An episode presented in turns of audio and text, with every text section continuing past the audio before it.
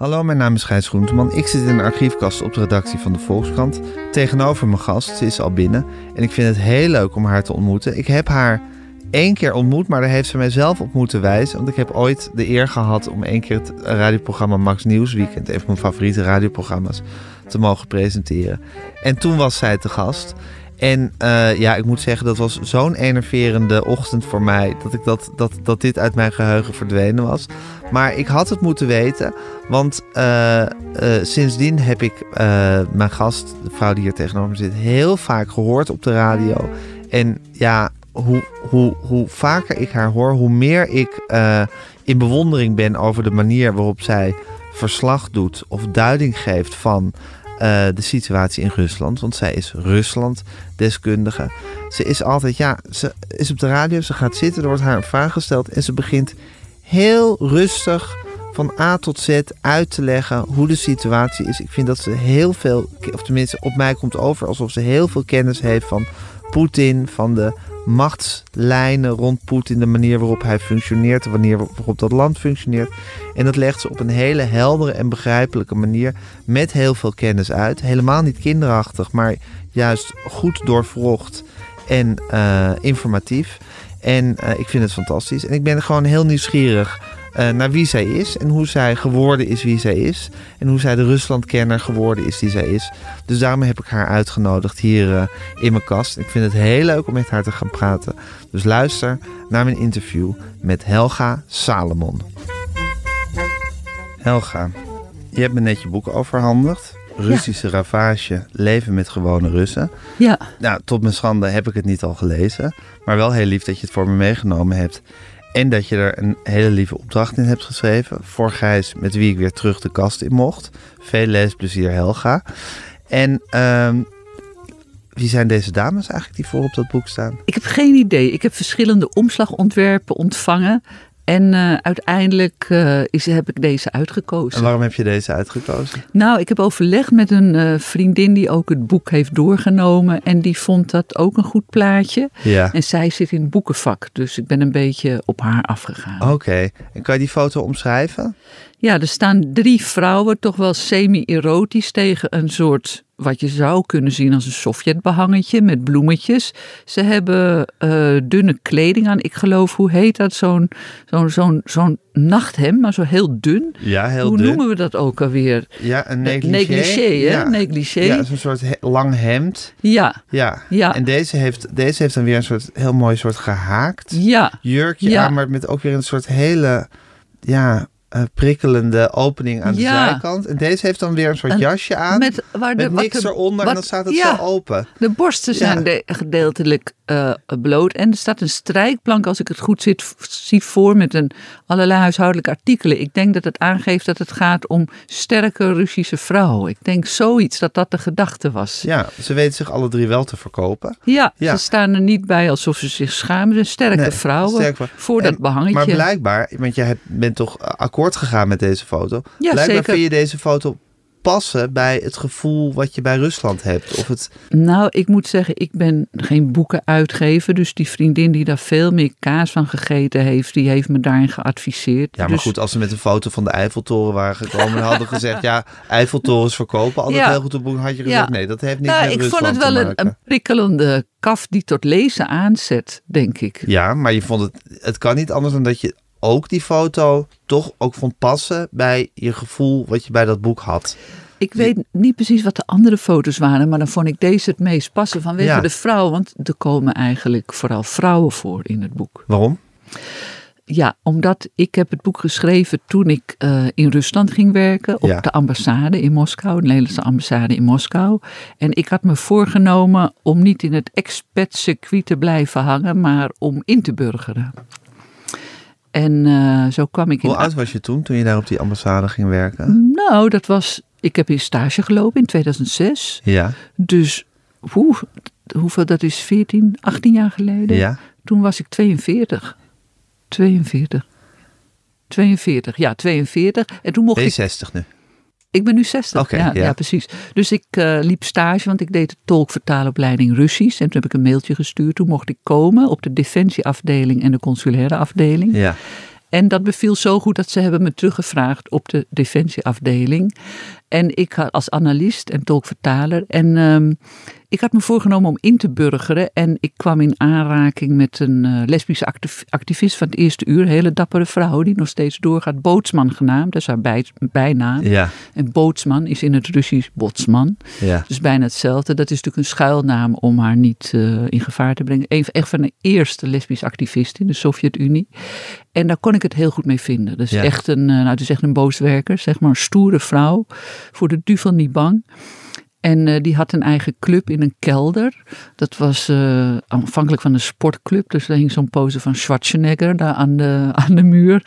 En daar, daar lagen Groot wat matten. icoon. Ja, groot ja. lesbisch icoon en matten. En dan kwam zij met de theekopjes. Want zij wilde vooral laten zien, dat zegt iets over het klimaat, dat lesbiennes hele normale mensen zijn eigenlijk. Dus er mocht niet gedronken worden, mocht niet gerookt worden. Nou, zoals dat in Rusland gaat, was veel cultuur. Dus iedere week had ze weer een dichteres uit het circuit. Of uh, er kwam weer iemand met zijn gitaar Maar aan, is het uh, normaal in Rusland als je niet rookt en niet drinkt? Ik dacht dat zij gewoon heel, altijd heel veel wodka tot zich namen. Nou, Bootsman niet. En die wilde dus vooral laten zien... lesbiennes zijn eigenlijk hele fatsoenlijke mensen. Ja, ja fatsoenlijk meer. Fatsoenlijke ja, mensen. Ja. En nou, ze is cultureel onderlegd. Dus in die club, dat werd mijn vaste hangplek. Ja, en als je één Rus kent, dan leer je er heel veel kennen. Oh ja? Dus ja, zo werkt dat. Uh, Russen zijn eigenlijk heel gastvrij en open. En ik was natuurlijk ook, dat vonden ze wel interessant, zo'n buitenlandse vrouw die dan naar hun kelder kwam. En zo kwam ik in aanraking met, Bootsman nam mij mee op, op, naar allerlei avonturen. Maar ik kwam in aanraking met allerlei andere vrouwen. En zo rolde ik van het ene in het andere avontuur. En Ja. voor mijn, zeg maar, mijn intimie noemde ik dat een groep van zo'n tien vrienden die ik werkelijk alles kan vertellen. Ja. Uh, die heb ik verhalen uh, geschreven en die zeiden we vinden het zo leuk. En één zei ik print het uit en daar is dit boek uit voortgekomen. Ah. Want het gaat niet alleen, het gaat om het lesbische leven, maar ik kom in een ziekenhuis, ik kom in een, in een psychische inrichting. Uh, dus zij is ook een andere vriendin, een hetero vriendin die ik van de jaren negentig uh, ken. Dus je komt eigenlijk in aanraking met het bizarre leven in Rusland. En ik hoop dat Nederlanders dat dan, dat dan een beetje beter begrijpen. Ja, uh, want dat is altijd goed om elkaar beter te begrijpen. Nou, het is meer zo, wij kunnen ons tot op heden eigenlijk geen voorstelling maken van hoe raar dat leven is in nee. Rusland. Nee. Dat tragicomisch dus eigenlijk. eigenlijk. Dus, ja, en je hebt dus eigenlijk. Um, uh, uh, je, je, dacht, ik wil niet in dat, in dat diplomatieke expat-cirkeltje blijven hangen. Mhm. Dus je hebt toen via, via Bootsman uh, ben je eigenlijk geïnfiltreerd in, de, ja, in het gewone Russische leven. En dan via de lesbische scene ja. eigenlijk. Ja. En, en dat, dat gaat eigenlijk als je, als je eenmaal een haakje daarin hebt. Als je eenmaal in zo'n subcultuur gewoon een haakje hebt. Ja. Dan kan je heel, heel makkelijk en snel heel veel mensen leren kennen. Ja, het is ook zo. Ik moet zeggen, de vriendin die ik het allerlangste ken, dat is Larissa. Die ken ik, die is niet lesbisch. En die komt natuurlijk ook in het boek voor. Die ken ik vanaf de jaren negentig. En dat betekent dat haar verhaal, ja. ik heb schuilnamen gebruikt, dat is het laatste verhaal, dat omvat de hele post-Sovjet-periode. En dat is natuurlijk interessant. Want dan lees je eigenlijk hoe het een redelijk succesvolle vrouw, die journalistiek had gestudeerd, ja. hoe die uiteindelijk bij de Hare Krishna is geëindigd. Dus dat is ook een tijdsbeeld van de val van de Sovjet-Unie tot nu. Ja, precies. Dus het is niet alleen uh, dat lesbische, die zit er ook in. En wanneer heb jij je liefde voor Rusland opgedaan? Hoe heb je die opgedaan? Uh, ja, ik uh, hou al van talen. Dus toen ik op de middelbare school zat, het Montessori Lyceum in Amsterdam, toen uh, deed ik veel talen en er waren allemaal van die boekjes van die Prisma Pockets. Wat en hoe Hebreeuws, ja. wat en hoe Spaans. Nou, ik ja. had ze ongeveer allemaal. Oh ja? Ja. Dat vond je gewoon heerlijk om daarin te... Ja, vond ik leuk, talen leren. En wij hadden een lerares, uh, Ineke van Leeuwen, die had, was geschiedenislerares, maar ze had ook uh, Russisch gestudeerd. Dus op een gegeven moment begon ze voor de mensen die het leuk vinden Russisch te doen. Heel elementair. Ja. En dat ben ik gaan Mama doen. domme. Ja, ik heb oh, ook kijk, jij spreekt ik ook heb Russisch. ook een jaar Russisch gehad, oh. extra erbij gedaan op mijn school. Op jouw middelbare school? Ja, ja. maar oh, het heeft bij mij niet tot een grote Ruslandliefde, maar daardoor ken ik drie, drie oh, woorden nog. Nou ja, wie weet komt het toch van pas ja, als de. Russen komen. Ja, zeker. Dus, um, maar ik vond het leuk en, uh, uh, ik, en toen ging ik in 1986, nog de Sovjet-Unie, ging ik naar Rusland. En dat is wel een mooi verhaal, want dat was al de tijd van Gorbachev, de perestroika. Ja. En normaal was het zo, als je naar Rusland ging in de Sovjet-Unie, nou dan mocht je geen millimeter van de gids afwijken. Ja. Maar dit was de late Sovjet-Unie. En we waren met een groep, ik sprak drie woorden Russisch. Maar er waren allemaal mensen, eh, misschien ken je sommige, August Dirks, die heeft een reisbureau opgezet, Cirk. En uh, dus er was iemand die ging een Russisch, allemaal slavisten. Iemand ging een Russisch reisbureau opzetten. Iemand ging in ondertrouw met een Rus. Die was daar met de, met de moeder en vader. Ja. Een andere had een man in Alma-Ata in, in Kazachstan. Het was een hele bizarre groep. Dus we hadden een gids, Tatjana. Nou, die, we gingen trouwens kijken naar de grote socialistische oktoberrevolutie. Die in november was. Want de Russische kalender voor de revolutie, die liep anders dan die daarna. Ja. Maar die, die gids, ja, die wou met ons op excursie. Maar na twee dagen zei ze, jongens, zoeken jullie het even lekker zelf uit. Oh, Want ja? iedereen ging zijn eigen weg. Ja. Dus, ehm, dus dat was heel leuk. En ik vond het heel erg leuk. Ik heb daar ook eh, mijn beste vriend leren kennen.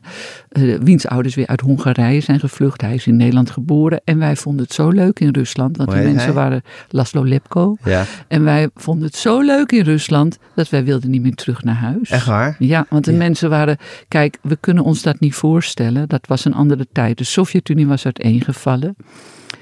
De mensen hadden bijna geen buitenlanders gezien. Nou mochten ze opeens, wat ze nooit mochten praten met buitenlanders. Ze waren heel naïef, heel lief.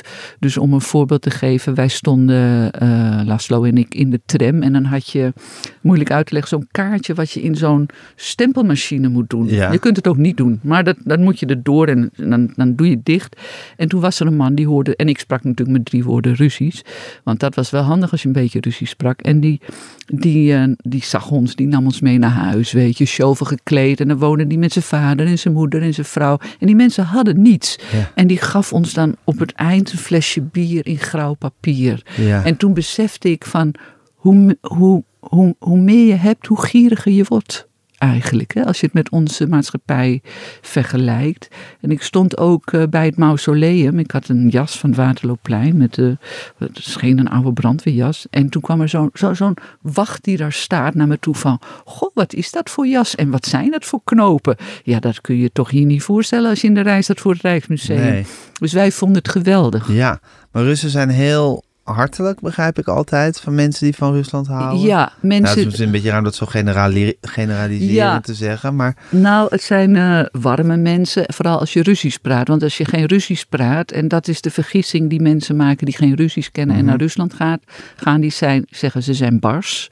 Maar dat is een soort onzekerheid. En Russen vinden het, ik geloof dat Duitsers dat ook vinden, dat je niet lacht naar iemand als je hem niet kent. Want dat is hypocriet. Dus waarom zou je in de supermarkt lachen? Waarom zou ik naar jou lachen? Ja. En Dus dat, wij lopen zo wij lopen, glimlachend en zij zo. denken, oh die hypocriete Westelingen. Ja, ja, ja. Maar als je Russisch praat, ja, dan smelten ze met, ja, dus generaliseerd. Maar de meeste, Ja. mijn ervaring is, ik heb eigenlijk alleen maar positieve ervaringen, bijna wat dat betreft. En toen, toen, toen heeft Rusland je hart gestolen. En je had die Eh, leuke groep waarmee je op reis was geweest. En je hebt je beste vriend eh, leren kennen. ja. En toen moest er gewoon goed Russisch geleerd gaan worden. Precies. En toen ben je die opleiding Ja. tot tolkvertaler gaan Nee, doen. nee, ik heb niet? sociologie gestudeerd. Eerst sociologie nog Ik heb sociologie gestudeerd aan de UvA in Amsterdam. Eh, en ik ben altijd Russisch blijven doen, ook als bijvak op de UvA. Ik ben altijd blijven reizen naar Rusland, dus cursussen blijven doen. Maar op een gegeven moment dacht ik, ik wil het nu echt goed leren, want je komt tegen een soort plafond aan. Ja, En toen ben ik in Utrecht de deeltijdopleiding tolkvertalen gaan doen, ook Ja. al op oudere leeftijd.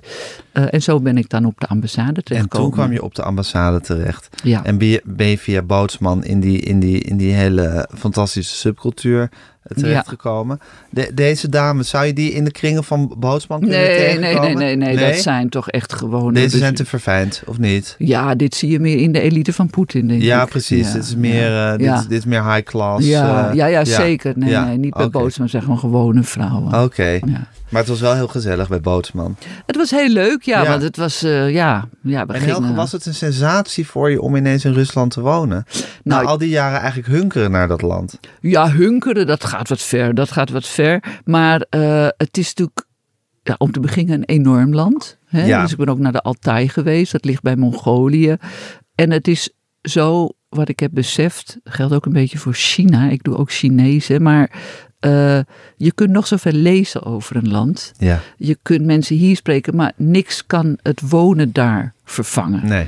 En eh, ja, dankzij Bootsman, eh, soms was het afzien. Op een gegeven moment nam ze ons mee, want zij was natuurlijk wel, zij is geoloog van huis uit en speleoloog.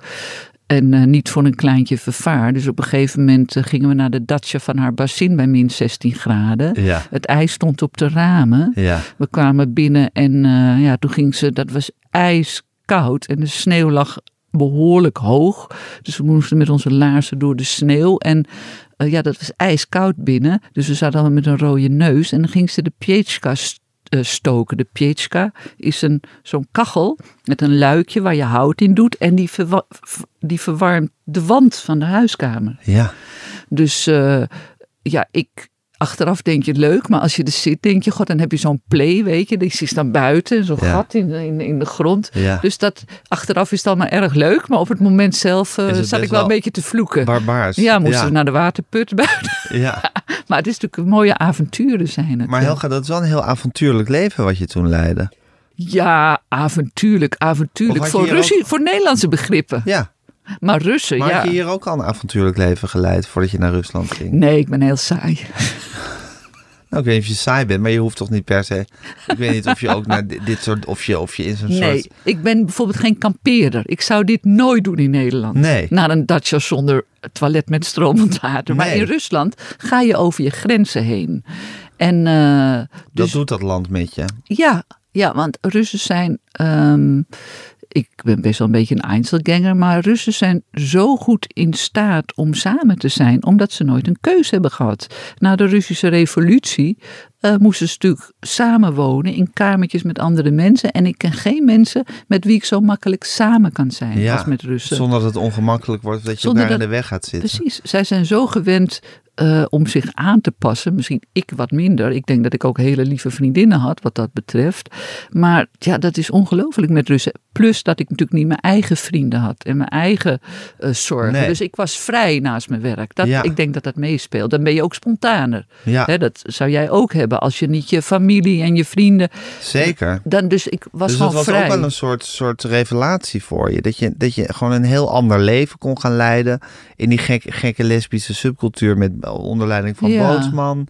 Ja, en ja. ja. al avonturen beleven, naar ijskoude datsja's gaan. Ja, heel is- veel met mensen samen zijn, terwijl je eigenlijk een Einzelganger bent. Ja, Klinkt wel heel bevrijdend ook. Nou, het was gewoon heel leuk, want ik had een luxe baan hè, op de ambassade. Ik had wel, zij niet. Hè. Bootsman heeft geen eh, groot huis, in tegenstelling, ze kan de communiceren. Maar ik had een luxe huis, wat geen Rus zich kon permitteren. Ik had een goede baan, dus je hebt een hele veilige luxe basis. Ja. En van daaruit had ik een heel leuk vrije tijdsleven. Dus Ja. revelatie was het niet, maar ik, ik was wel heel erg blij eh, daar. Het was ontzettend leuk. Ja, maar want het is sowieso een- toch een heel ander leven dan je hier in Nederland moet hebben geleid. Ja, zeker. Want ik, eh, ja, ik heb gewoon een bescheiden huis tot op heden. Ja. Ik, ik heb, eh, wat had ik daarvoor? Ik was journalist, sociaal-economisch journalist eigenlijk, tot die tijd. Dus dat is gewoon ja, je alledaagse leven met je vrienden. Eh, maar ja, dat is toch wel bijzonder na zo'n datje. Of Bootsman had een voorkeur voor kampvuren, met name in de winter in het bos. Ja. Dus dan gingen we in haar kleine autootje of het autootje van vriendinnen die ze had gecharterd. Gingen we weer, eh, moesten we voor de greppel uitstappen, want dan moest het autootje door de greppel. En zij was geoloog, dus zij kon heel goed overleven in het bos. Ze heeft me ook uitgelegd hoe ik moet overleven in het bos, mocht het zover komen. Ehm, dat zou ik zo vertellen. Maar in ieder geval, ze had dan een soort zaag die ze kon uitvouwen. Ze had een potje, dat gaat boven het vuur. Ja. En dan gingen we aardappeltjes poffen en grote stukken vette vlees. En eh, ik nam altijd mijn boterhammen met kaas mee. Want zo, zo, zo makkelijk was ik ook niet.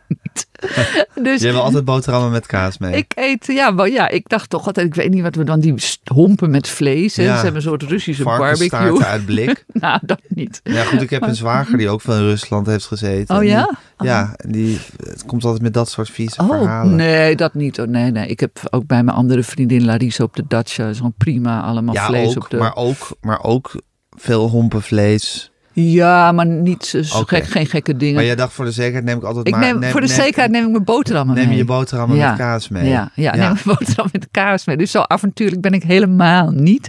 Maar zij had wel verteld van als ik dan eh, moest overleven Ja. in de taiga, dat moest ik een kuil graven. En dan moest ik dan eh, een vuur bij aansteken voor als de wolven kwamen. En die kuil moest ik dan ook voor de warmte met takken bedekken. Heeft ze me allemaal uitgelegd. Voor het geval dat. En moest je je weet in die nooit. kuil gaan zitten? Ik geloof dat je daar moest slapen als ik het goed heb. Maar wel een vuur in de buurt voor de wolven. Voor de wolven. Beetje Dr. Anders P-achtig was ja, dat, hè? Ja, en in die kuil kon je dan, als je die bedekte, werd het een beetje warm. Dat was een soort. Ik denk dat soort- dat het idee... Ik heb het niet uitgeprobeerd, maar ze heeft het laten zien. Dus Ja. ik denk dat dat dus... Boosman was altijd tot raad en daad bereid. Hey, en Bootsman leeft nog, hè? Bootsman leeft nog en die is heel dapper. Want ook, hè, kijk, ehm, zij heeft de Sovjet-Unie meegemaakt. Dus zij is, eh, ik maak me wel zorgen. Ze heeft me wat foto's, foto's gestuurd waar ik op sta. Ook van, ja, als ze mijn archief in beslag nemen, bewaar deze foto's. Eh, dus zij gaat door, maar... ehm, ze heeft geen eigen club meer. Zij is natuurlijk tegen de 70. Of natuurlijk, zij is tegen de 70 inmiddels. En ehm, de verhalen kun je trouwens lezen in het boek, in geuren en kleuren. Maar eh, zij doet dan bijvoorbeeld een middag voor vrouwen die geïnteresseerd zijn in toerisme. Het Toerdom. Toerdom komt van toeristietje ski, maar je hebt ook het Doerdom, het gekkenhuis. Dus het is ook een beetje een grapje. Woordspeling. Ja. ja. Dus dan komen mensen onder het mom van we willen reizen. Want ze is net in Argentinië geweest. Dat doet ze ook. Ze heeft een heel laag salaris, maar gaat heel, ze heeft een pensioentje. En dan gaat ze vertellen over haar vakantie. Dus ze brengt altijd vrouwen weer bij elkaar. eh, hoe moeilijk dat nu ook is. Ja. Ja. En is het geen gevaarlijke tijd voor haar nu ook? Ja, wat ik zeg, zij is niet eh, bang. Zij Nee. vliegt onder de radar. Eh, dus ehm, ze doet het onder het mom van dit. Maar als de Russische autoriteiten iemand willen oppakken, dan doen ze dat. Ja. Maar zij is. eh, En iedereen- de, en de ja. Russische autoriteiten zijn neem ik aan niet gek op mensen die openlijk lesbisch zijn. Nee, maar Nee. Ze, ze doet ook nog steeds, volgens mij, ze heeft één keer per jaar een kamp voor vrouwen. Kamp klinkt een soort zomerkamp. Eh, ik weet niet of ze dat nog heeft gedaan. Ik dacht dat ze dat ook nog heeft gedaan. Maar ja, het is nu allemaal op een laag pitje en zij komt er eh, mee weg. Ja, ja. Ja. Dus ze heeft gewoon de activiteit een beetje Op een laag pitje. op een laag pitje Ja. gezet. Ja, ja, Ja. en veel mensen durven natuurlijk niet meer te komen. Dat is misschien ook het probleem. Dus ik heb meer lesbische vriendinnen. Ja, die zitten nu toch maar wat bangig thuis en ontmoeten elkaar. Ik heb nog twee lesbische vriendinnen komen in het boek voor, twee hele goede vriendinnen. Ja, die ontmoeten andere lesbische vrouwen die het met ze eens zijn. Dus, en met anderen praat je er niet over. En dat geldt ook voor homoseksualiteit. Dat is de manier waarop Russen leven. Kijk, sommige mensen voor de oorlog, heel veel, anderen niet. Maar je komt dan wel bij elkaar, maar je hebt het er gewoon niet over. En ook met homoseksualiteit, hè, met ouders en kinderen. Eh, ze weten misschien wel dat hun dochter lesbisch is of hun buurvrouw, maar je hebt het er gewoon niet Ja, over. en daar zijn ze natuurlijk ook, ook in getraind Zijn door ze het communisme. Zeker. Ja, want daar was het natuurlijk ook zo dat je gewoon Ja. een heleboel dingen niet besprak. Ja, dat is de manier. Daarom kunnen Russen nou, goed samen, samenleven. Ja, Eh, Wij kunnen dat niet. onaangeroerd ja, laten. wij, in Nederland is het ondenkbaar, toch? Ja. Dat je het daar niet over hebt. dat dat je niet zegt, maar Gijs, eh, val je nou jongetjes? Ja, Ja. Dat, dat kan niet. ja, of heb je PVV gestemd? Heb je PVV? Ja. Precies, ja. Dat soort dingen. Heb je PVV gestemd? Ja. Ja, dus, dus, dus eh, op die manier komen ze het leven door. Maar ja, het is niet, het is niet fijn als je dus altijd jezelf zo moet wegstoppen. Maar dat zijn ze gewend. Ja. Hey, en Helga, toen zat je op die ambassade Ja. en je maakte al die avonturen mee met Bootsman en haar Mhm. vriendinnen. Hoe lang ben je daar gebleven in Rusland? Eh, nou, ik heb in stage gelopen drie maanden en Ja. toen heb ik er drie jaar gewoond. Van Drie jaar 2007 tot 2010. Had je er Ja. niet veel langer willen wonen? Nou, dat is een goede vraag. Ik besefte, eh, dat hoorde ik ook van collega's, want ik werkte met veel mensen van buitenlandse zaken. Die zeiden, hoe langer je weg bent uit Nederland, hoe minder je terug wil. En ik dacht wel, mijn toekomst eh, ligt eh, toch in, in, in Nederland. Daar zitten al mijn vrienden. Ja, Dus ik zag mijzelf niet ehm, eh, daar blijven. waarom niet? Omdat al mijn vrienden in... Maar je had daar toch ook vrienden? ja, maar mijn echte goede vrienden wonen allemaal in Nederland. Eh, dus ik dacht, ik wil wel weer terug. En ik Dat had is toch het gevoel dat je wortels hier liggen of zo? Ja, zeker. Basis. Ja, in Amsterdam in het bijzonder. En eh, het is ook zo dat ik had wel een hekel aan de politiek in Rusland. Want wa- Poetin, we heel veel mensen maken zich pas de laatste jaren druk. Maar voor, Ja. voor mij was toen al duidelijk, voor heel veel mensen, Dat het helemaal de verkeerde kant op dat, ging. het een, dat het een autoritaire leider is. Ja, ja, Ja. ja. Ja. En ben je- want we liepen net eh, hier door het gebouw naar, eh, Mhm. naar deze kast. En toen hadden we het even over de nieuwe locatie van eh, de Volkskrant. Die nog, nog wat verder buiten de stad, waar nu, waar nu alleen nog maar de drukkerij staat. Daar komt ook Ja. de redactie van deze krant komt daar, te zitten. En je had echt iets van, ja, hoe, ja, hoe kan dat? Want het is zo ver weg. Ja, het is denk ik tien minuten fietsen hier vandaan. Dat vond je echt een soort, ja, Een soort, Ja. a- een soort onoverkomelijke aardverschuiving leek dat voor alle mensen die hier werken. Ja, het Maar lijkt- blijkbaar ben jij heel erg aan, het, aan locatie gehecht. Nou ja, ik, ik hou van Amsterdam en Duivendrecht. Er is volgens mij bij Duivendrecht. Ja. Ik, ben, ik heb er wel eens gefietst of gewandeld. Ik vind het een beetje een troosteloze locatie. Ja, dus niet ver dicht bij, eh, Nee, ja, bij Amsterdam. maar je vindt dat eigenlijk ook heel, al heel ver.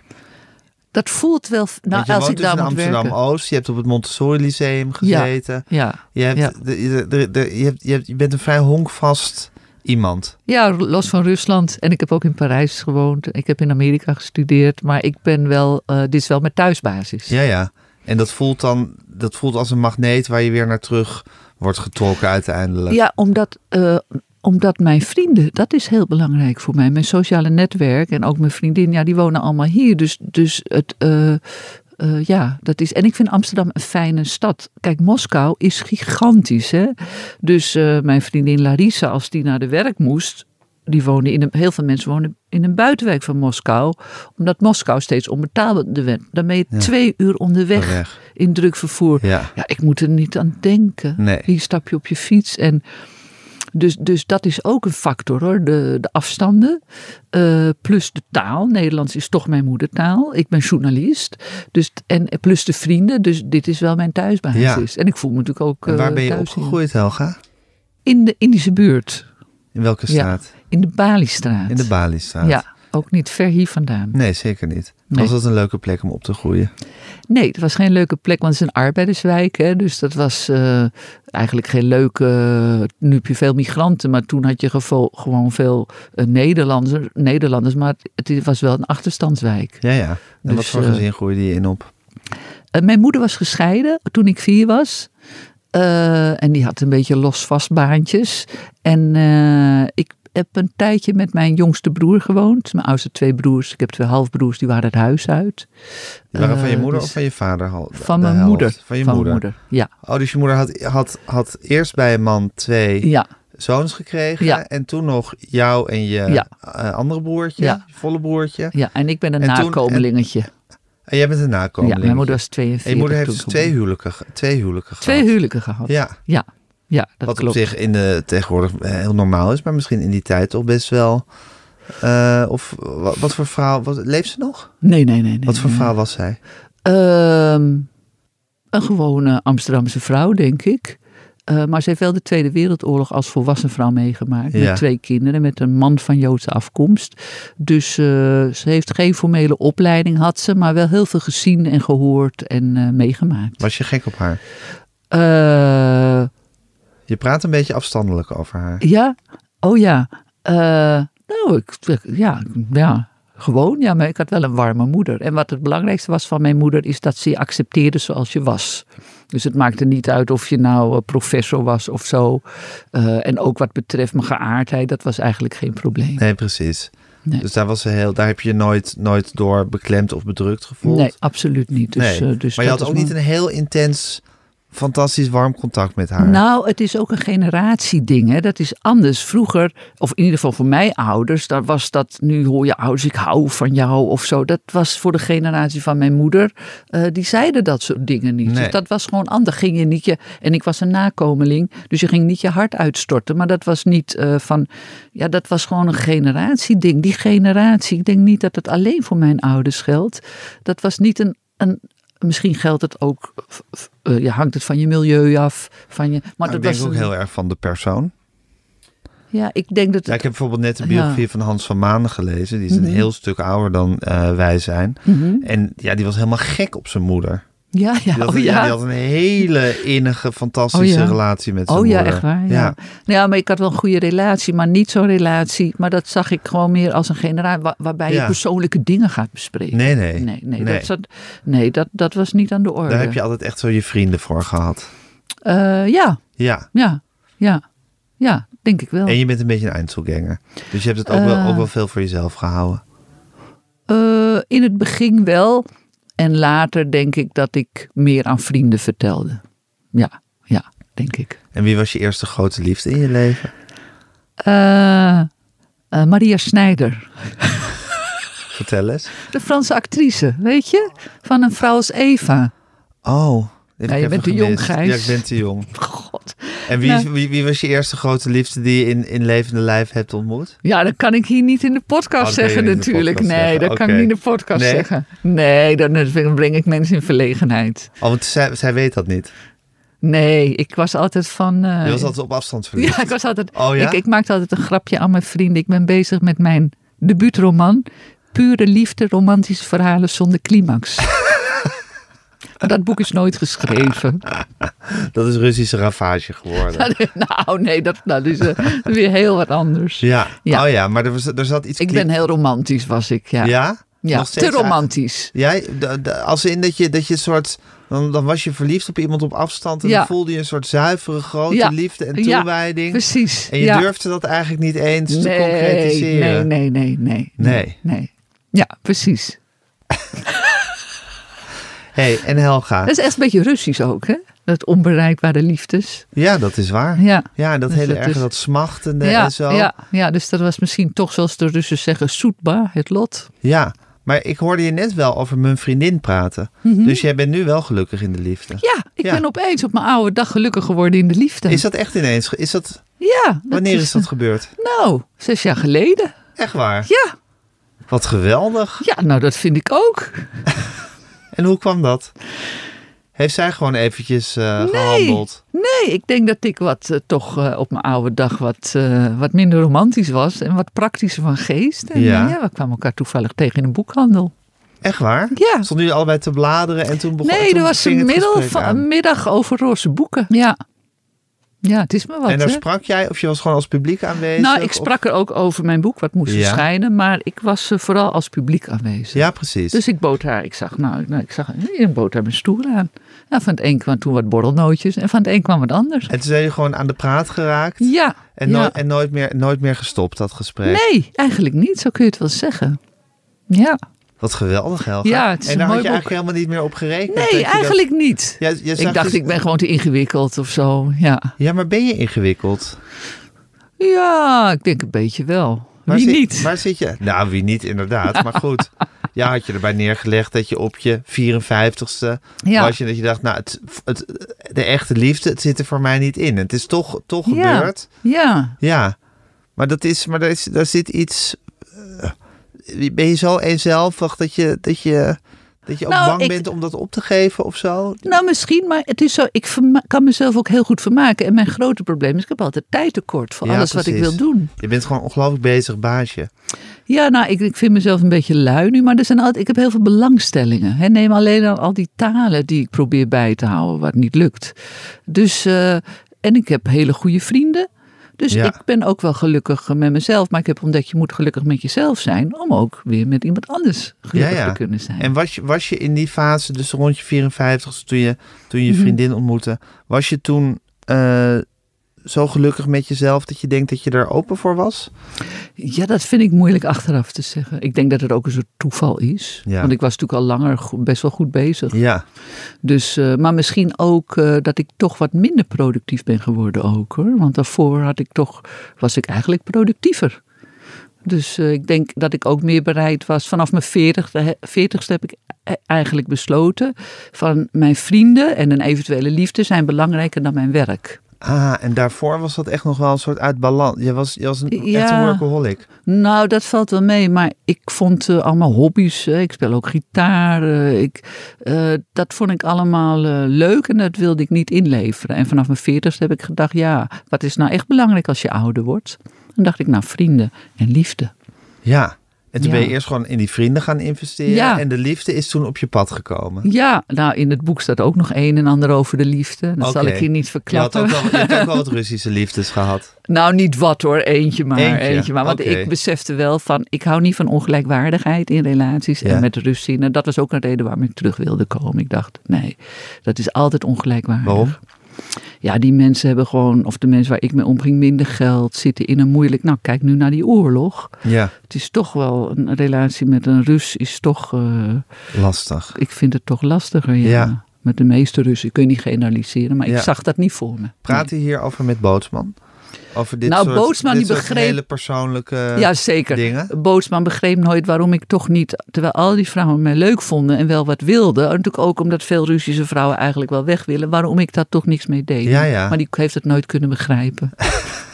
En jij was gewoon heel principieel, want die, die vrouwen die, die, die hunkerden dan ook wel een beetje naar jou. Of er waren vrouwen die een beetje Ja. naar jou hunkerden. Nou, ik Maar vond de meeste iets ook, ik werd ook niet verliefd hoor, daarom daar niet van. Je ja, bent ook gewoon sommige. iemand die moeilijk verliefd wordt, blijkbaar. Eh, nou, dat valt wel mee. Eh, ik was ook wel Nee, maar verliefd je bent op- ook romantisch. Ja, nou, je leest in het boek ook een aantal vrouwen waar ik dan verliefd op was, waar niks uitkomt. Oké. Eh, dus dat wel, maar gelukkig kwam daar niks uit. Want anders, ja, dan, dat waren drama's geworden. Dus maar één verhaal heeft zich wel gerealiseerd. En hoe, je dat, hoe dat afloopt, dat moet ik maar lezen. het kermismeisje. Oh, Het kermismeisje. Ja, dat is, dat is te lang. Dat is niet omdat ik het niet, maar het is een heel lang Een verhaal. heel lang verhaal. Ik ga het lekker lezen. Ja. Ik vind je wel heel leuk, Helga. Oh ja? Ja, ik Nou, vind het je heel leuk dat ik je leer Maar kennen. nu zit ik met jou in de kast. Nu zeg je ook nog dat je me leuk vindt. Ja, Oh, het wordt steeds God, gekker, hè? Ik kan ik de kast ook nog uit Ja, nee, kan, ja, zo meteen als het klaar is. Maar dat is pas als ik het zeg. Dus, nou, ik eh, vind het ook een heel leuk gesprek. hey, en hoe heet je vriendin? Ze heet Anne Roos. Anne Roos. Wat Ja. een mooie naam ook. Ja, Ja, ja, ja. En wonen jullie samen? Nee, wij wonen apart. Ja. Ja. En dat wil je ook zo houden? Eh, Dat wil zij zo en ik ook zo. Want ik denk dat ik ben zo lang alleen. En zij is getrouwd geweest. En zij vindt het nu lekker dat ze eh, alleen... Ze heeft nog een dochter thuis. Ja, En eh, ik vind het ook wel lekker. ja. Want ik heb toch eh, wel ook toch nog dingen die ik doe. En ik ben het zo gewend. En ik zou ook nooit mijn huis in Amsterdam willen opgeven. En zij woont niet in Amsterdam? Zij woont ook in Amsterdam. Oh, maar ik zou dus nooit mijn huis. Ik woon hier vlak prachtig in de Safari. Ja. En, en nou, pra- ik woon in een gewoon huis. Ja. Maar in eh, de staat is de- prachtig. ja, de heel is prachtig. ja, precies. Dat Ja. bedoel ik. Dus ik Ja. heb geen grote woning. Maar eh, het, dat, is, dat werkt het best, zo'n Hey, latrelatie. En Anne Roos is, eh, dat voel ik aan alles in zekere zin, een, een vervulling van je leven. Dat, is iets, dat, is, dat heeft het toch ook een beetje compleet gemaakt. Ja, heeft het compleet, Ja, dus zeg je precies. goed, heeft het compleet gemaakt. Is, is het, zijn er ook dingen, dus met alle liefde voor Anne Roos, plus dat het echt je leven compleet heeft gemaakt. Maar zijn er ook dingen die je moeilijker vindt nu je een, eh, nu Nou, je een vaste relatie hebt? Ehm, nou, zoals ik zei, ik ben dus wat tussen aanhalingstekens wat luier geworden. Ja, En soms, eh, ik zou bijvoorbeeld meer willen schrijven. Meer, ik ben eigenlijk schrijvend journalist van Ja. huis uit. Ja. hè. Maar je weet zelf als journalist, ja, als schrijvend journalist, dat is natuurlijk steeds moeilijker geworden. Ik was Ja. sociaal-economisch journalist. Ja, dat was natuurlijk, eh, dat ging prima in die tijd, hè, jaren negentig. Maar je weet het, schrijven is lastig. Dus nu doe ik heel veel Rusland-commentaar. Maar ik heb enorm veel ideeën wat ik wil schrijven, artikelen, want er gebeurt zoveel. En dat laat ik dan liggen. Ten eerste omdat ik geen stok achter de deur heb, want je moet een artikel verkopen. ja. Dat is lastig, dat Ja. weet jij, kun jij ook Ja. eh, begrijpen. En als je het verkoopt, krijg je er amper geld voor. Eh, Dat is ook iets, Ja. maar dat is een tweede. En ten tweede eh, ontbreekt dan nu de tijd mij daarvoor. Ja. Dus wat ik zei, vanaf mijn 40 heb ik ook bewust voor gekozen om dingen te laten. Ja, Dus, maar dat ervaar ik niet als een, iets het vervelend, maar het kost natuurlijk tijd een relatie. ja, ja, precies. Ja. En dat is, en je, je, je, ja, er zit iets soort hang naar efficiëntie in je leven. Je wil, je wil het Ja, gewoon. ik wil zoveel. Ik wil, wil te veel. veel. Ik wil te veel. Ja. En dat is minder geworden, maar ik wil nog steeds eh, te veel eigenlijk. Ja. hey, en Helga, ehm, dat heb ik in de inleiding gezegd. Heb je niet gehoord, maar ik heb het wel gezegd. Is dat je mijn favoriete Ruslanddeskundige bent. Als je op de radio bent, dan, eh, dan, dan hang, ik, eh, hang ik aan je lippen. Ehm, het is natuurlijk heel belangrijk voor jou dat je daar hebt ge- ge- gewoond en geleefd in Rusland. Anders kan je, kan je een land natuurlijk niet eh, begrijpen. Mhm. Hoe, hoe blijf je op de hoogte nu van wat daar, eh, wat daar gebeurt? Ja, het is voor mij natuurlijk een ontzettende ramp dat ik niet naar het la- land kan reizen. Ja, Althans, ik heb het geen eens geprobeerd. Ik denk dat het visum wordt geweigerd omdat ik voor de ambassade heb gewerkt, omdat ik me kritisch uit. Maar zelfs het als is zou misschien ik ook het- wel gevaarlijk nu om daarheen te gaan. Dat denk ik ook. Ja. En bovendien kan ik niks, want zo gauw ik het woord oorlog noem, kan ik opgepakt worden. Ja. Dus dat is enorm frustrerend. Eh, nou, dan kun je je voorstellen hoe die Russen zich hier in dit volkskrantengebouw voelen. Die, misschien nooit, die nu beseffen dat ze misschien nooit meer teruggaan. Net als Stravinsky voorheen en zo. Maar voor mij is het ook een grote ramp. Want eh, dit is precies wat Poetin wil. Want dat hier je, beneden zit de Moskou Times. ja, de Moskou en er en zit een tv-zender voor, TV eh, voor Dost, Oekraïne. ja. Ja. Ja. Nou, nee, is een Russen zijn Oh, Russen. Russisch, oké. En die zenden uit op internet, want die zijn al lang natuurlijk verboden in Rusland. Eh, ja, die mensen, die zo'n zo'n dood van Nawalny, dat komt bij hun daarom. Eentje die die barst in tranen ook op tv, omdat zij beseffen, hier gaat onze toekomst. Ja, voor mij is dat niet zo dramatisch, want ik ben Nederlands. Maar uh, het is natuurlijk een ramp als je geen voeling met dat land kunt houden. En dit is precies wat Poetin wil. Hij wil, dat zeiden mijn vriendin al tien jaar geleden, hij wil dat land afsluiten, een soort Noord-Korea maken, waardoor ik moeite heb om met mijn vrienden in contact te komen, waardoor Russen, net als in de Sovjet-Unie, eigenlijk alleen maar in de Kremlin-bubbel kunnen blijven zitten en niets horen van ons meer. Nee. Dus dat is een ramp. Uh, ja, het punt is wel, het goede is heel veel, of het goede, heel veel Russen, die Russische diaspora is enorm. Dus alle Russen die ertoe doen, of heel veel, zoals hier in het Volkskrantgebouw ken ik mensen. Uh, er zitten in de Baltische Republieken mensen. Ik was drie, jaar, drie weken geleden op een conferentie in Berlijn van mhm. zogenaamde buitenlandse agenten. Ja. Het zijn allemaal prominente Russen die, en ook minder prominente die door het Kremlin zijn weggezet als buitenlands agent. Dat is een juridische status waardoor ja, het leven ze heel moeilijk wordt gemaakt. Ze moeten rapporteren en in feite worden ze voor het volk neergezet als spionnen. Ik was de enige buitenlander. Maar daar haal ik dan mijn informatie vandaan. Dat zijn ontzettend rijke bronnen, die mensen. Want ja. bijvoorbeeld Michael Godkowski was er de ooit de rijkste Rus van uh, Rusland. Uh, Michail Kasjanov, premier onder Poetin. Alle een batterij journalisten. En daar haal ik mijn informatie vandaan. Dus ofwel via die media, zoals hè, die hier zitten. Ja. Ofwel dat ik mensen spreek, die volg ik heel nauwlettend. En daarin onderscheid ik me denk ik van anderen. Dat ik probeer eigenlijk net als hun te duiden. Dus niet zozeer vanuit het Nederlandse perspectief, maar vanuit het Russische perspectief. En ik denk dat ik me daarbij een beetje onderscheid van andere Ruslandkenners. Ik denk dat veel Ruslandkenners kijken naar het belang van Nederland of de NAVO.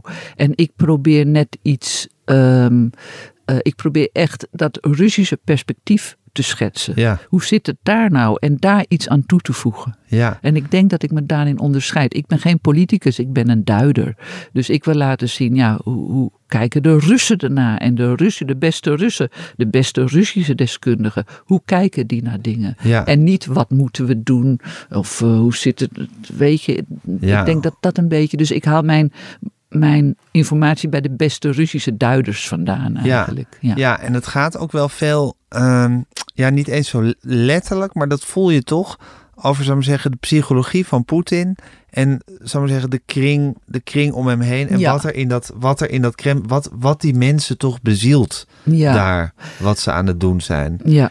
Is dat nou iets waar bijvoorbeeld in die kringen van Bootsman en zo, is dat, is dat ook iets waar veel over nagedacht wordt? Wat wil die man? Wat, wat, nee. wat wil die man nee, nee. ons? Nee, Russen en zeker iemand als Bootman die denken het is uh, een zootje, het is vreselijk. En die zijn, Russen zijn gewoon in den brede bezig met overleven. Ja. Die proberen juist Ook daarin zijn ze getraind. Nou ja, ze hebben geen keuze. Het is vreselijk wat er gebeurt. De meeste Russen zijn waarschijnlijk tegen de oorlog nu. Ja. Ze zijn gewend dat hun uh, leiders altijd corrupt zijn. Beetje Ja. meer, beetje minder. Ze zijn gewend dat ze niets te zeggen hebben. Ja, Dus dat het volk, uh, de regering er niet is voor het volk, maar andersom. ja, Sommigen geloven dat dat nou eenmaal zo is omdat het een groot land is. Dus je moet je opofferen. Ja, en binnen die malaise probeer je dan maar te overleven. ja. Ja, ja. En je hebt er gewoon niet Ja. zoveel over te zeggen wat er boven je hoofd gebeurt. En het Nee. heeft dus ook niet zoveel zin om daar heel veel gedachten aan vuil te maken. Of Nee, nee, nee. het is net zoiets als het weer. Je moet het gewoon maar over je heen laten komen. Ja, in zekere zin wel. Een vriend, ik, eh, ik dacht erover na toen ik terugkwam uit Rusland. Waarom woon ik nou zo graag in Nederland? En toen zei ik tegen die vriendin, ik woon graag in Nederland omdat ook al ben ik maar een gewone, ik ben een gewone Nederlander. Hè, maar als mij onrecht wordt aangedaan, dan heb ik een instantie waar ik naartoe kan. Ja, De ombudsman of eh, Gijs Groenteman, ja. die het in zijn podcast vertelt. Maar, en da- Ja. dan wordt er iets mee En gedaan. het kan een tijd duren, zie je de toeslagenhouders. Ja, Maar en- op een gegeven moment kan je je recht halen. Precies, en in Rusland is het zo, je blijft zo ver mogelijk bij de politie en justitie vandaan. Ja. Want ja, die, die, dat, dat levert je alleen maar problemen op. Ja. En, en die onrechtvaardigheid, eh, ja, die ervaren Russen. En daarom proberen ze maar hun kop onder het maaiveld te steken. En zo goed en zo kwaad als het gaat door te leven. Ja, Ja. dat is het eigenlijk, Ja. denk ik. Ja. Je, dus als je onrecht wordt aangedaan of als je voelt dat je onrecht aangedaan zou kunnen worden, nou Mhm. dat zal met Bootsman en haar trawanten zeker zo zijn, Mhm. dan is het toch maar beter zaak om je gewoon zo klein mogelijk te maken ja, en je leven te leiden op een manier waarop je wil, maar zonder er al te veel rugbaarheid aan te geven. Ja, en precies. gewoon te hopen dat, dat de, beurt, de beurt jou over, dat zeg Ja. ik niet zo, maar dat, Dat, de- Dat je niet aan de eh, beurt- dat je niet aan de dat, beurt eh, komt. Dat de huppeldepup aan jou voorbij Ja, gaat. ja. Eh, Dat de beker aan jou voorbij Ja. gaat. Ja, dat is het eigenlijk. En eh, dat komt natuurlijk omdat Russen nooit democratie hebben gekend en altijd hebben geleerd. En dat komt natuurlijk ook door de Stalin-terreur en ervoor. Ja, je moet je kop niet boven het maaiveld uitsteken. Kijk naar Navalny. Hè, kijk naar Anna Politkovskaya, de journaliste die schreef over Tsjetsjenië, ook vermoord. ja. Want ze zijn gewend, ja, dat kom, daar komen maar problemen van. En dat maakt dat ze. Dat ze kijk, Oekra in Oekraïne gingen mensen in 2004 de straat op. Hè? Er zijn honderd mensen doodgeschoten in 2014. Die doen dat wel. Hè, die zijn wat dat verder dat de Krim daarin. was eh, ingenomen. Ja, eh, nou, voordat de Krim werd ingenomen, eh, de, de door Rusland gesteunde, of de zetbaas van Rusland, Yanukovych, Viktor Yanukovych, de Ja. president van Oekraïne, die stond op het punt om een associatieverdrag te tekenen met de EU. En onder druk van Poetin heeft hij dat niet gedaan. Toen begon die Maidan-opstand in 2014. Er was er al een in 2004. En toen zijn er honderd mensen doodgeschoten. Want Ja. Poetin heeft natuurlijk gezegd, hup, sla dat neer. Maar het is niet gelukt in Oekraïne. Maar in Rusland lukt dat dus wel. Ja, Dus eh, ja, dat, dat is een Russen probleem van de Russen. geknecht door de tijd, eigenlijk. Geknecht door de, tijd. geschiedenis. En ik, mijn theorie is en, eh, dat zij, net zoals de, de Duitsers hadden de Vergangenheidsbewältigung na de oorlog. Die hebben dat nazi-verleden onder ogen gezien. Maar de Russen hebben nooit hun Stalin-verleden onder ogen gezien. En ik denk, zolang ze dat niet doen, en nog erger, er komt nu een oorlog bij, dat het nooit een democratisch land kan worden. En de reden waarom ze dat in mijn ogen niet hebben gedaan, ik ben geen historicus, is dat in de nazi's, die vernietigden anderen. De Joden, de homo's, eh, de Zigeuners. Maar de Russen, die zijn zowel slachtoffer als beul. Hè, bu- bu- buren vermoorden hun, hun of eh, verklikten hun buren. Ja, ja, de ene helft van het land hield de andere helft Ja, in de gaten. ja, en, eh, en soms wisselden ze van positie. Je hebt dat mooie boek van Alexejewicz, de Wit-Russische Nobelprijswinnares, De Rode Mens. En zij, dat, als je dat leest, word je zo gedeprimeerd over de Russen. Moet je dat lezen? Is Ja, dat een belangrijk boek om te Dat lezen? is een belangrijk boek om te begrijpen waarom Russen zijn zoals ze zijn. En waarom sommige mensen nog steeds zeggen: ja, het communisme was misschien niet helemaal goed, maar het was toch ook wel een goede tijd. En wij hebben een sterke leider dat nodig. De essentie is dat mensen die de terreur hebben meegemaakt, die soms slachtoffer waren, nog altijd dat stelsel verdedigen. En nog altijd zeggen: we hebben een sterke man nodig. Ja, En dat bedoel ik met ze moeten dat verleden verwerken. Ze moeten onder ogen zien dat dat niet deugde. En ja, nu verklikken mensen elkaar weer. Dus dat is volgens mij de reden dat Russen die, die ehm, overgang naar een democratie niet maken. En iedere keer weer kiezen voor een sterke man. ja, Ergens geloven ze dat ze dat nodig hebben. dat ze dat nodig hebben. Ja, Ja, een beetje masochistisch eigenlijk. ja. Ja, nou, ze klinkt een beetje gek. Nou ja, het is ook een beetje zoals een mishandeld Ja, kind. Ik zie je heel diep denken. Nou ja, dat, dat is toch een soort, soort trauma dat je hebt opgedaan, waardoor je toch ook altijd weer in diezelfde. In, dat is Ja. nou eenmaal de constellatie die je kent. Nou, je moet het bespreken en de regering onder Jeltsin leken de, gingen de archieven over, was er een opening. Maar ja, dat heeft niet doorgezet en Poetin heeft alles natuurlijk weer dichtgegooid. gesloten, Ja. dichtgegooid. Dus Ja. ja. Ja, Dus ik denk dat dat het probleem is van Rusland. Vind jij Poetin eigenlijk een fascinerende man of helemaal niet? Nee, ik vind het eigenlijk een grijze muis met te veel macht. Ja, dus fascinerend. Ja, ja het is natuurlijk wat hij doet, maar het is Waarin natuurlijk is hij een eh, grijze muis? Nou, het was een KGB-agent die zich niet, eh, niet uitblinkte in iets, maar die heel veel macht in zijn handen kreeg en die maar met één ding bezig is, het behoud van die macht. En daarvoor gebruikt die KGB-tactieken. Ja, En dat is eh, vreselijk, maar het is niet origineel of eh, hij is niet een goede staatsman. nee. Het is gewoon een, eh, een, een, een hele geslepen, gewetenloze spion. Of spion, een gewetenloze oud KGB'er. Ja, Dus dat vind ik niet fascinerend. nee. Ehm, hij heeft ook niks flamboyants of, heeft niks of, flamboyants. of leuks. Of, of dat hij af en Nee. toe een soort leuk citaat heeft. nou, hij, een- hij maakt gra- als hij eh, een vriendin wees mij erop, een Russische vriendin, zo, gauw die van, zolang die van zijn blaadje leest, klinkt Ja. het allemaal nog redelijk. Maar soms improviseert hij en dan komen er de meest, ja, dan komt de meest vreselijke taal uit. Zoals we, hè, dat, toen hij de eerste Tsjetsjense, de tweede Tsjetsjense oorlog ontketende. Ja. Voordat hij president werd in 1999. Toen zei hij, we moeten ze afmaken op de play. Ik, tot op de play. Ik denk niet dat dat in zijn briefje stond. Nee. Dus dat, zo'n man is het. Ja. Dat is Poetin. Ja. En hij is natuurlijk heel kleinzielig. Het is een hele bekrompen, kleinzielige man die mensen straft. Kijk naar Nawalny. Dus eh, hij is fascinerend in de kwa kwaadheid is fascinerend, Ja, de ik. slechtheid. Slechtheid is Maar dat gaat fascinerend. heel, op, heel, op geen enkel meer met een, gepaard met ook een intrigerende persoonlijkheid eigenlijk. Nou, volgens mij, nee, volgens vind ik niet. Nee, vind het ik is niet. gewoon een apparatchik uit de KGB die op een, op een Eh. hoge positie terecht is gekomen. Het is denk ik iemand die uit een wat achterstandsmilieu komt. Eh, net als ik, maar ik ben ook niet zo gemeen geworden. Maar uit een achterstandsmilieu komt. En de kans heeft op alle macht en alle geld. Ja, en niet meer weet waar hij moet stoppen, maar een land niet kan besturen, waardoor hij het land de vernieling in helpt. Ja, En helaas is het zo, misschien zal het zijn tijd nog wel duren, want Rusland is nu wel aan de winnende hand in Oekraïne. Dus zo zie ik het meer als een, ja, eh, ja als niets iets wordt, dan eh, krijg je problemen. Denk ik. Dat is wel een mooie uitspraak. Als niets iets wordt, dan krijg je problemen. Ja, ja, Ja. ja. Het, is, het is eigenlijk de leegte, het niets wat aan de macht is. En wat alleen maar Ehm, gaat om aan de macht blijven. Ja, en, precies. Ja, Hij ver- heeft zijn eigen rij, eh, clan verrijkt. Dat heeft Yeltsin ook gedaan. Maar dat waren toch mensen voor een deel die wel een, een, een doel hadden met die maatschappij. Zoals de rijkste man van Rusland toen, Michail Godorkovsky.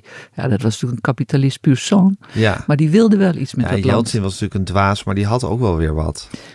Nou, Yeltsin die heeft het land verkwanseld. Ja, heeft een oligarchie gebouwd. Maar die was wel, hij die deed niet de duimschroeven aandraaien. Nee, Eh, maar Poetin die kun je niet betrappen op een visie voor Rusland. Behalve het kulverhaal van het Russische imperium. Maar ja, dat is natuurlijk alleen maar een verhaal om de democratie buiten de deur te houden. ja.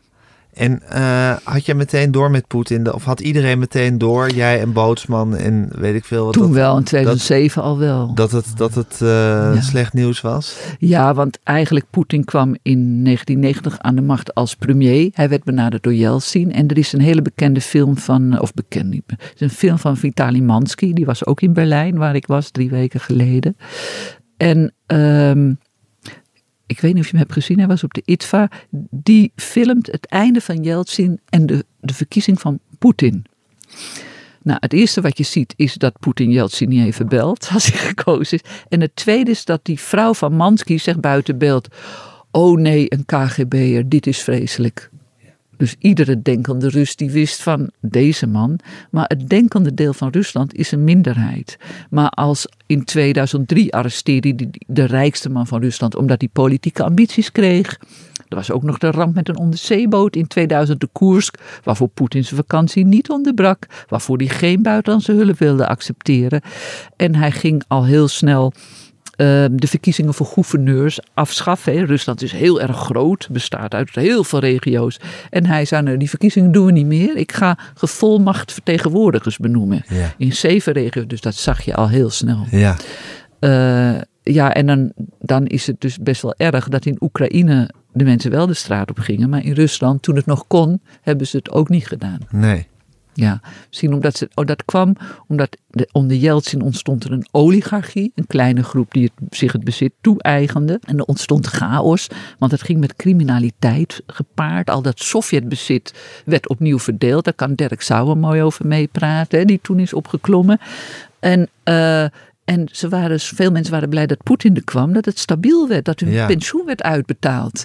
En de Russen kozen voor stabiliteit in plaats van vrijheid, totdat het te laat was. Ja, Ja, maar veel Russen vinden het nog steeds prima dat ze in een, in een eh, zo'n, zo'n, ja, zo eigenlijk dat ze geen vrijheid hebben, dat ze in zo'n systeem zitten, omdat ze inmiddels ook helemaal zijn gehersenspoeld door de tv.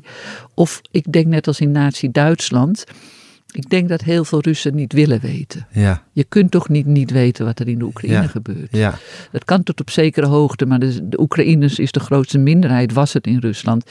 Ik denk dat mensen niet willen weten wat hun regering. Want- Zalige onwetendheid. ja, want als je daarbij stilstaat, nou, hoe kun je dan nog Ja. rustig slapen? Ja, ja. Ehm, hoe voel je je nu over Rusland, Helga? Hoe voel ik me over Rusland? Ja, wat, wat maakt het je verdrietig? Eh, nou, of, ik, ik, ik, ehm, ik, ben, ik probeer vooral te begrijpen. Dus daardoor heb ik eh, niet zo'n emotioneel gevoel daarbij. maar het is toch ook een land waar je heel veel van houdt of hebt gehouden? Nou, dat gaat wat ver. Dat gaat, ik vind het een interessant, interessant land, maar houden van nee, dat zou ik niet zeggen. Maar je ja. hebt er een, heel, een, heel, een, hele belangrijke... Er wonen heel veel mensen met wie je heel Ja, ik heb goede bent en bent vrienden daar, maar dat ik van het land houd, gaat wat ver. Oh, dat gaat wat ja, ver. dat gaat veel te ver, ja. Oké. Ik vind het gewoon een fascinerend land. Hou je wel eh, van Nederland of niet? Of vind je eigenlijk een land sowieso niet iets om van te houden per se? Ehm, misschien niet per se, nee. Nee. Ik, ik, eh, ik denk, er zijn altijd twee kanten aan dingen. Dus eh, eh, ik ben, nee, ik, ik ben wel blij met Amsterdam.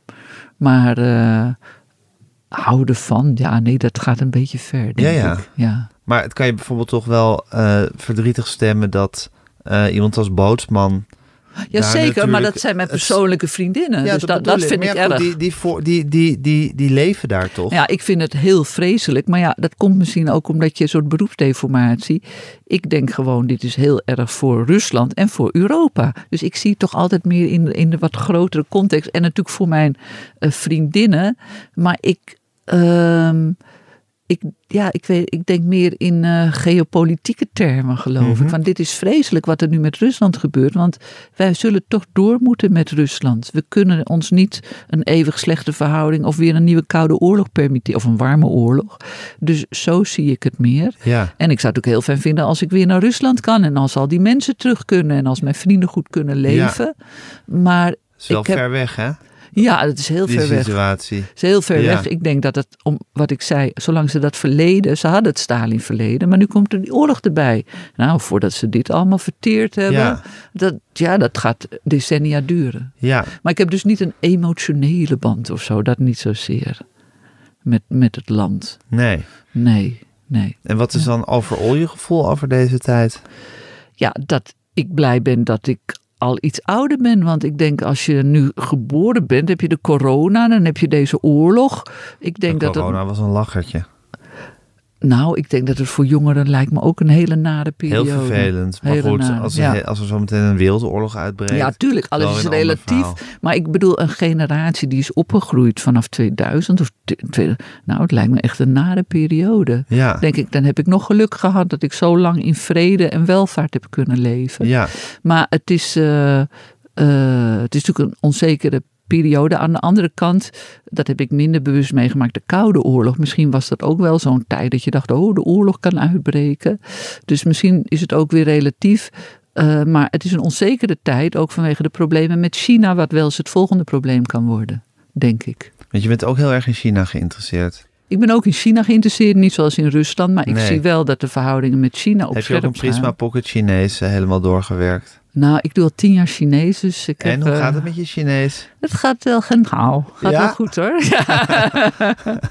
het begint een beetje te komen, ja, Chinees. Ja, ja. Ja. Want je blijft, je blijft steeds nieuwe talen willen leren. Nou, ik heb gezegd, ik moet er nu mee stoppen. Dus ik probeer nu alle talen bij te houden. En welke zijn dat? Eh, nou, Frans, Duits, Spaans, Russisch, Chinees.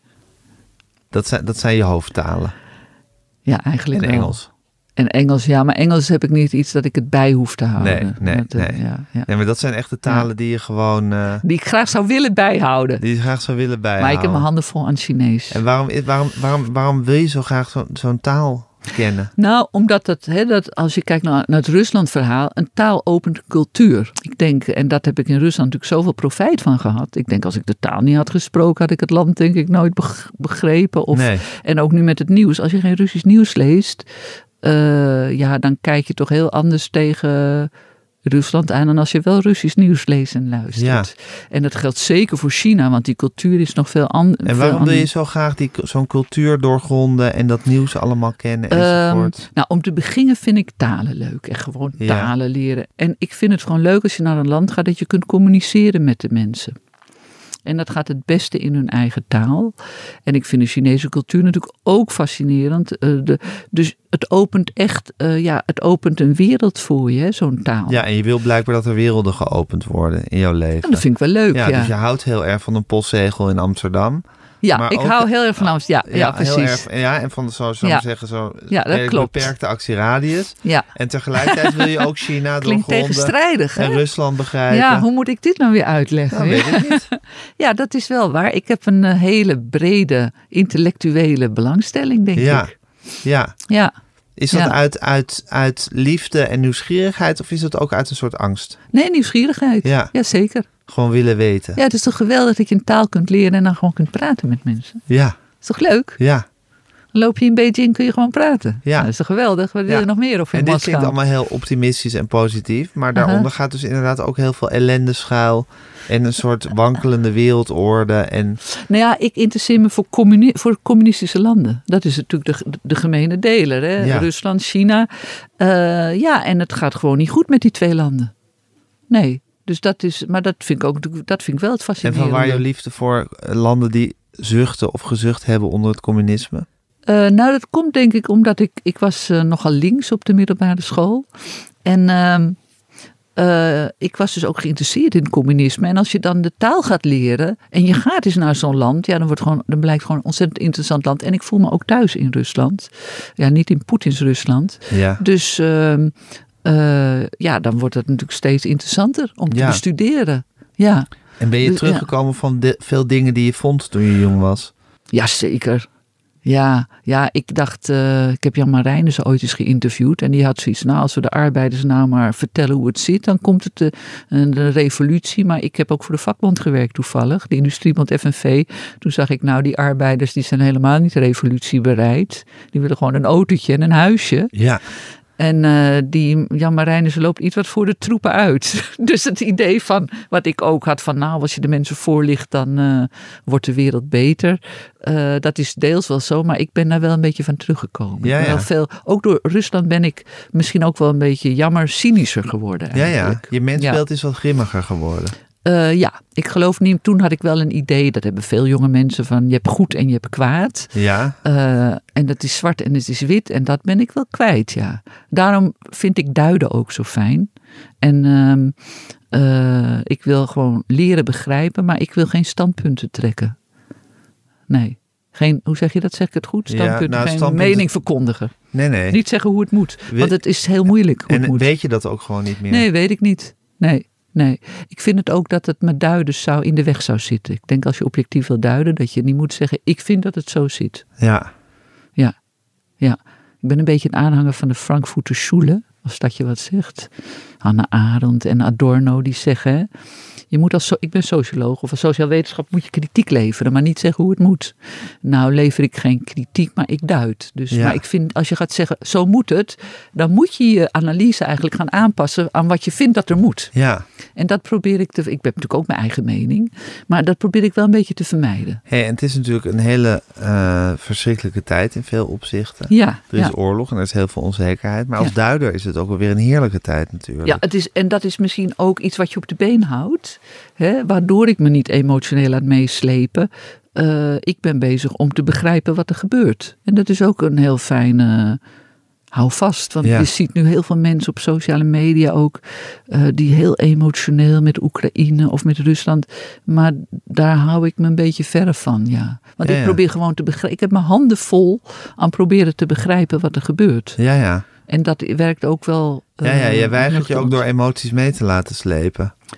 Ja, nou ja, het gebeurt ook niet omdat ik duid. Ja, Omdat ik zie, het, het, is, je, ik kan me, het is niet zo zwart-wit. Dus het is heel. Snap je? Dus eh, Ja, ik het is weet niet- wel wat ik, wat ik slecht het is vind. niet zwart-wit, behalve dat er een soort, een soort nihilistische gek eh, aan, het, Ja. aan, de, aan, de, aan, de- Ja. aan, aan het hoofd van Rusland staat. En dat hij een land aan het bombarderen is de hele maar ik tijd. weet niet als Poetin weg is, of het, hè, waar we het over hadden, of het dan beter gaat met Nee, Rusland. dat weet ik ook niet. Maar goed, daar kan je, toch, je kan hier toch ook heel zwaarmoedig van worden. Ja, ja, dat heb ik. ehm, dat heb ik niet. Nee. Ja, ik vind het heel erg wat er gebeurt. Maar eh, eh, ja, ik ben gewoon. Ik probeer gewoon te begrijpen wat er gebeurt. En dat Ja. werkt heel erg eh, stabiliserend, zeg maar. Ja. Ja, Ik weet niet of, je dat, of dat gek klinkt. Of, Nee, helemaal niet. Maar misschien is dat wel sowieso jouw manier van met dingen omgaan. Dat Ja. je daarom ook al die talen wil leren. En eh, dat het ook Ja, dat ik- het gewoon het, het doorgronden en het begrijpen van dingen. Ja, en een beetje aan de kant staan. En een beetje aan de kant Aan de staan. kant dat dat gewoon een kalmerend effect op jou heeft. Ja, en dat, Ja. Is, dat is gewoon mijn aard. Dat is mijn aard, denk ik. Ja, maar dan is je aard dus niet kalm van zichzelf. Maar je hebt Nee. een methode. Want je bent, nee, je bent een romanticus ook, hè? Dus Ja, je ik bent ben van, absoluut van, niet de kalm van heve aard. en sma- hevige en smachtende emoties. Maar je kalmeert jezelf door gewoon op een afstandje te gaan staan. De dingen zo goed mogelijk te begrijpen. ja. Te duiden, te leren. Grammatica te leren. Woorden uit, Ja. uit je hoofd te kennen. ja, te goede snap- Te snappen hoe de hele coterie rond eh, Poetin precies werkt. En wie, dat weet je ook altijd heel goed wie het voor het zeggen heeft. En hoe de, hoe de machtslijnen lopen enzovoort. Ja. Dat begrijpen. En dan. eh, Dat is een goede samenvatting, denk ik. en hoe is Anne Roos? Ze heet toch Anne ja. Roos? Ja, ja, ja. Nou, dat vind ik niet zo netjes om over Nee, te dat vertellen. Nee, Nee. Dat, dat, Snap dat- zij, doorgrond zij jou goed? Begrijp- Jawel, zij is, heel, zij is heel empathisch. Ja? Ja, Ja. Fijn. Heeft zij ook een kalmerend effect op jou? zeker. Ja, heel goed. Helga, heel erg bedankt. Ik ga je boek lezen met heel veel eh, nieuwsgierigheid. Mhm. En ik hoop je nog. eh, nou, ik hoop, ik hoop dat we op wereldvrede afstevenen. Ik heb het idee dat dat niet zo is. Ik hoop het ook. Ja, maar ik hoop in ieder geval hoe dan ook dat jij er verslag van doet. Nou, dankjewel. Dankjewel. Hartelijk bedankt. Dit was Met Groenteman in de Kast met Helga Salomon. Mijn naam is Gijs Groenteman. Ik maak deze podcast eh, samen met eh Tamar Bot en Fanny van der Rijt, de redactie. Eh, Julia van Alem bezorgde alles netjes in uw oortjes. Corine van Duin overzag het geheel. U kunt ons een e-mail sturen als u er zin in heeft. podcasts.volksstand.nl U kunt ons volgen op Instagram, met Groenteman. En geef ons toch vooral lekker veel sterretjes.